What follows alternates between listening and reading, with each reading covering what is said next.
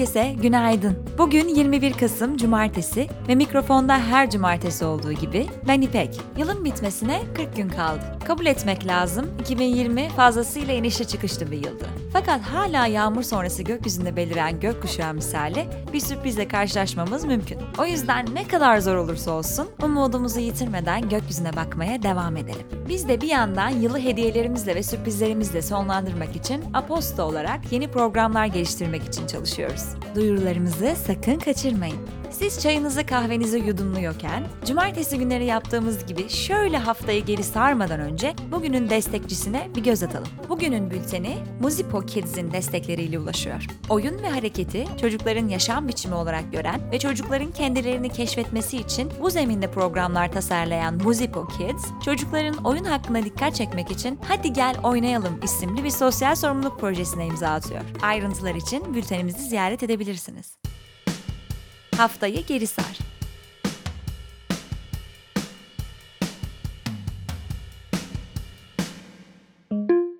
Cumhurbaşkanı Erdoğan yeni Covid-19 tedbirlerini açıkladı. İçişleri Bakanlığı'nın 81 il valiliğine gönderdiği genelgede yeni bir karar alınıncaya kadar hafta sonları 10-20 saatleri dışında sokağa çıkma kısıtlaması uygulanacağı ve bu doğrultuda ilk uygulamanın 21 Kasım Cumartesi yani bugün saat 8'den 22 Kasım Pazar günü saat 10'a kadar ve 22 Kasım Pazar günü saat 8'den 23 Kasım Pazartesi 5 saatine kadar sokağa çıkma kısıtlaması uygulanacağı belirtildi. İstanbul Büyükşehir Belediye Başkanı Ekrem İmamoğlu, idarenin bütünlüğü ilkesine ve devlet politikasına kamu kaynağı kullanılarak muhalefet edilmesinin mümkün olmadığı gerekçesiyle ifadeye çağrıldı. İyi Parti İstanbul Milletvekili Ümit Özdağ, İyi Parti İstanbul İl Başkanı Buğra Kavuncu için FETÖ'cü imasında bulunduğu gerekçesiyle partisinden ihraç edildi. Öte yandan CHP Genel Başkanı Kemal Kılıçdaroğlu'nun tehdit eden ve daha önce organize suç örgütü liderliğinden hüküm giymiş olan Alaaddin Çakıcı hakkında soruşturma başlatıldı. Merkez Bankası'nın yeni başkan Naci Ağbal dönemindeki ilk para politikası kurulu toplantısından politika faizinde 475 bas puan artışla %15'e çıkarılması kararı çıktı. Kararın ardından dolar lira kuru 7,51'e kadar geriledi.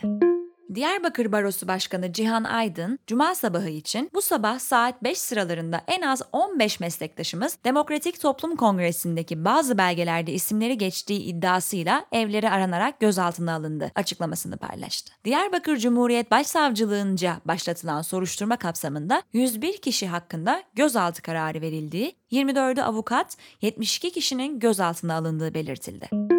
Pfizer'ın ardından ABD merkezli biyoteknoloji şirketi Moderna'da aşı adayının devam eden çalışmaların erken sonuçlarına göre %94,5 etkili olduğunu açıkladı. İlerleyen günlerde Pfizer, BioNTech ile geliştirdiği COVID-19 aşı adayının testlerinde elde edilen sonuçlarda %95 başarıya ulaştıklarını ve acil kullanım onayı için başvuracaklarını duyurdu.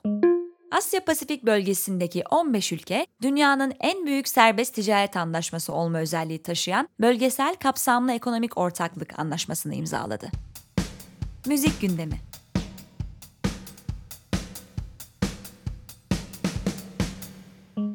Taner Turna'nın her hafta sonu sizler için özenle hazırladığı müzik haberlerinden biraz bahsetmek istiyorum şimdi.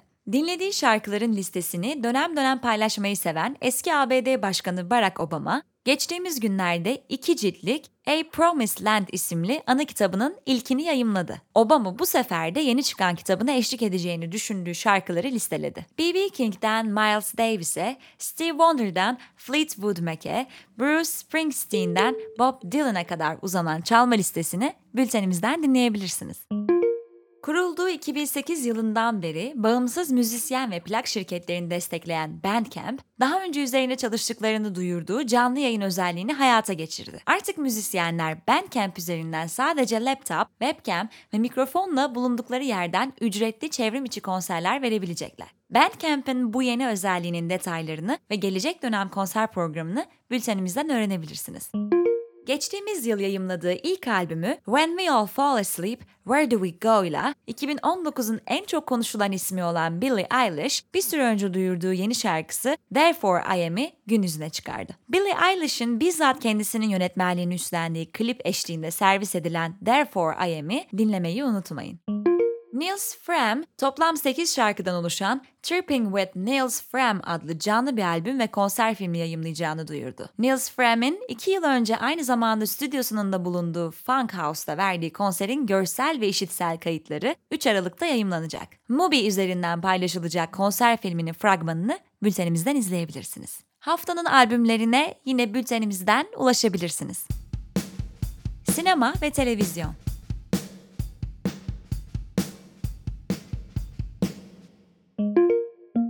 Emre Eminoğlu'nun sizler için derlediği haberler var sırada. Covid-19 vakalarının hızla artması nedeniyle alınan yeni önlemler kapsamında Türkiye'deki tüm sinema salonları da yıl sonuna kadar kapalı tutulacak. 1-5 Aralık 2020 tarihleri arasında gerçekleşmesi planlanan 10. Malatya Film Festivali, organizasyon paydaşlarının ortak kararıyla iptal edildiğini sosyal medyadan duyurdu.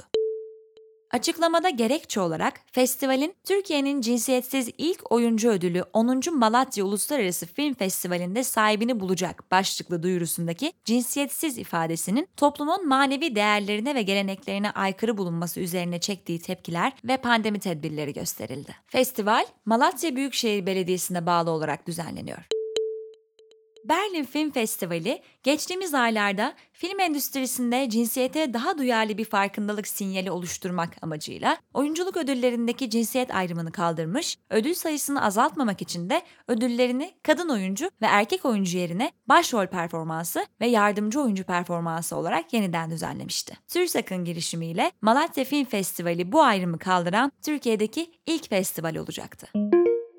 Nisan Dağ'ın ikinci filmi Bir Nefes Daha'nın dünya premieri bugün 24. Tallinn Black Nights Film Festivali'nde gerçekleştirilecek. Ümit Ünal, Aşk, Büyü vesaire filmiyle Başka Sinema Ayvalık Film Festivali kapsamında verilen Cario ve Ababay Vakfı yılın yönetmeni ödülünün sahibi oldu. Azra Deniz Okyay'ın Hayaletler filmi Venedik ve Antalya'nın ardından Selanik Film Festivali'nde iki ödül kazandı. İnsan hakları ve barış konusunda ilham verici bulunan filmlere layık görülen İnsani Değerler Ödülü ve kadın sinemacılara sunulan The Wift GR ödülü. Ödül sezonunu takip etmek için bültenimize bekliyoruz. İsim, şehir, seyahat.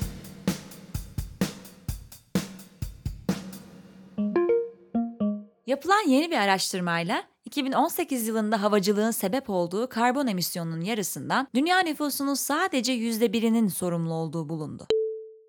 Stephen Gözley ve Andreas Humpe tarafından yapılan araştırmaya göre 2018'de hava yoluyla seyahat edenler dünya nüfusunun %11'i iken en fazla %4'ü uluslararası uçuş yapanları oluşturdu. Yapılan analiz, hava yoluyla düzenli bir şekilde seyahat edenlerin küçük bir payının ortaya çıkan karbon emisyonunun büyük bir kısmından sorumlu olduğunu gösteriyor. Delta Airlines'ın yeni etkileşimli haritası, gezginlere seyahat kısıtlamalarından yerel sağlık bilgilerine kadar bilmeleri gereken her şeyi derli toplu bir şekilde sunarak bu dönemde seyahat etmeyi kolaylaştırmayı ve daha güvenli kılmayı amaçlıyor. Harita, karantina ve test gereksinimleri, gerekli seyahat formları, yerel sağlık bilgileri, yerel COVID-19 protokolü ve yolcuların belirli bilgilere erişmek için ihtiyaç duyabileceği tüm bağlantıları tek bir yerde sunuyor. Hava yolu şirketi ayrıca kabin kapasitesini sınırlama ve orta koltuğu bloke etme politikasının muhtemelen 2021'in ilk yarısında kalkacağını ve ekonomik sınıfında rezerve edilenler dışında 2021'deki tüm uçuşlar için değişiklik ücreti politikalarında kaldırdığını açıkladı. Otel yatağınızda keyifle sabah kahvaltısını ediyorsunuz. Aman beyaz çarşaflara kahve döküldü. Leke çıksın diye bir sürü kimyasal kullanıldı ama nafile. Leke çıkmadı. Şimdi o çarşaf bir çöp ya da artık çöp olamayacak. Aki Stüdyo, eski otel çarşaflarına ne oluyor sorusuyla yola çıkarak şu dönemde en makul girişimlerden birine imza atıyor. Otellerde küçük defoları ve lekeleri yüzünden artık kullanılmayan çarşafları değerlendirerek zamansız gömleklere dönüştürüyor. Elif Bayram'ın hazırlamış olduğu isim şehir seyahat bölümünün sonuna geldik. Tasarım ve mimari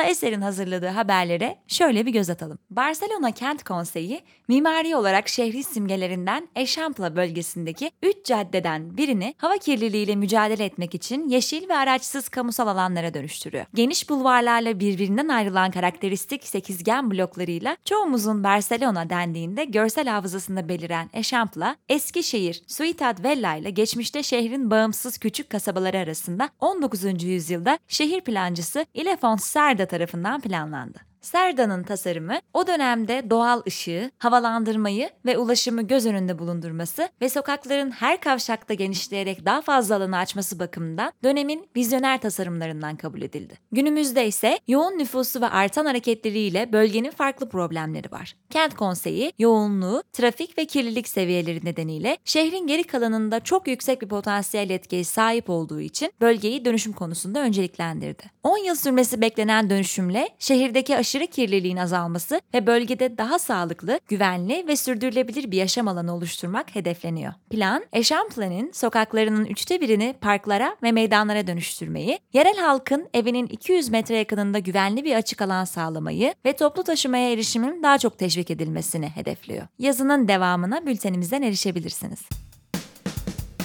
Gastronomi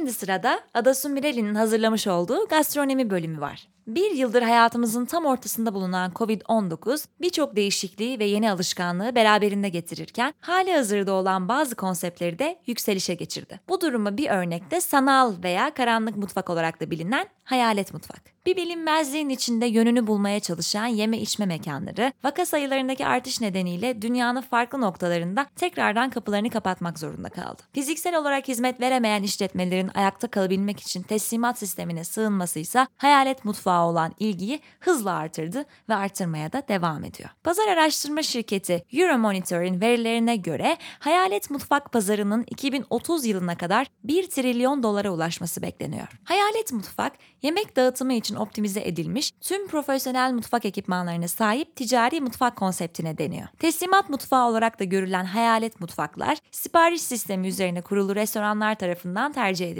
Aynı zamanda tek bir hayalet mutfak birden fazla restoran tarafından ortak kullanılabiliyor. The Spoon'da yer alan bir makaleye göre hayalet mutfak tanımı bu konsepte geçen işletme sayısı arttıkça değişime uğruyor. Bulunduğumuz noktadaysa konsept teknoloji platformları aracılığıyla tüketiciye doğrudan ulaşmak için de değerlendiriliyor. Araştırma ve danışmanlık şirketi Technomic'in 2020 Mayıs verilerine göre hayalet mutfak konseptini kullanan restoran sayısı pandemi sonrası %36 arttı. Restoranların yöneldiği nokta aynı olsa dahi arkasında yatan nedenler farklılık gösteriyor. Büyük zincirler başka bir gelir akışı açmak veya daha düşük bir maliyetle yeni pazarlara açılmak için hayalet mutfağa yönelirken bağımsız restoranlar hizmet vermeye devam edebilmek umuduyla bu pazara giriş yapıyor. Hayalet mutfak bazı girişimciler tarafındansa sermayesiz bir şekilde sektöre girmenin tek yolu olarak görülüyor. Konsept, girişimcilerin minimum harcamayla sanal markalarını yaratmalarına ve sektörde bilinirlik kazanmalarına yardımcı oluyor.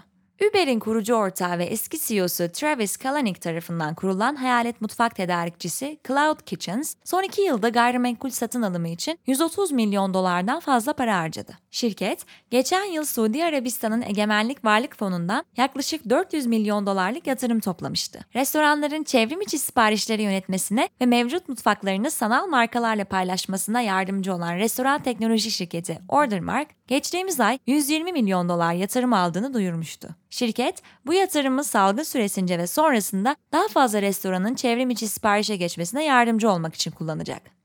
Taco ve burritolarıyla tanınan zincir Chipotle, çevrim içi siparişlere özel ilk dijital restoranını geçen hafta cumartesi New York'ta açtı. Hayalet mutfak konsepti esas alınarak oluşturulan restoranda oturma ve sipariş verme alanları bulunmuyor. Müşteriler sadece Chipotle'nin uygulaması, internet sitesi veya üçüncü taraf bir teslimat platformu üzerinden sipariş verebiliyor. Sadece teslimatla hizmet veren restoranların ve hayalet mutfakların sayısındaki artış sektörün hizmet verme anlayışında kalıcı bir değişiklik yaratabilir mi? Yoksa görülen bu değişiklik içinde bulunduğumuz şartların getirdiği geçici bir zorunluluk mu merak ediyoruz doğrusu.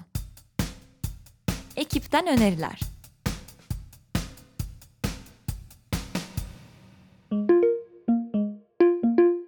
Klasik kebap restoranı anlayışını yıkarak devrim yaratan köşe başında yepyeni bir kebap olan Tarsusi'yi mutlaka denemelisiniz. Zırhla çekilen ve geniş açılan sadece kuzudan yapılan bu kebabı kesinlikle deneyin.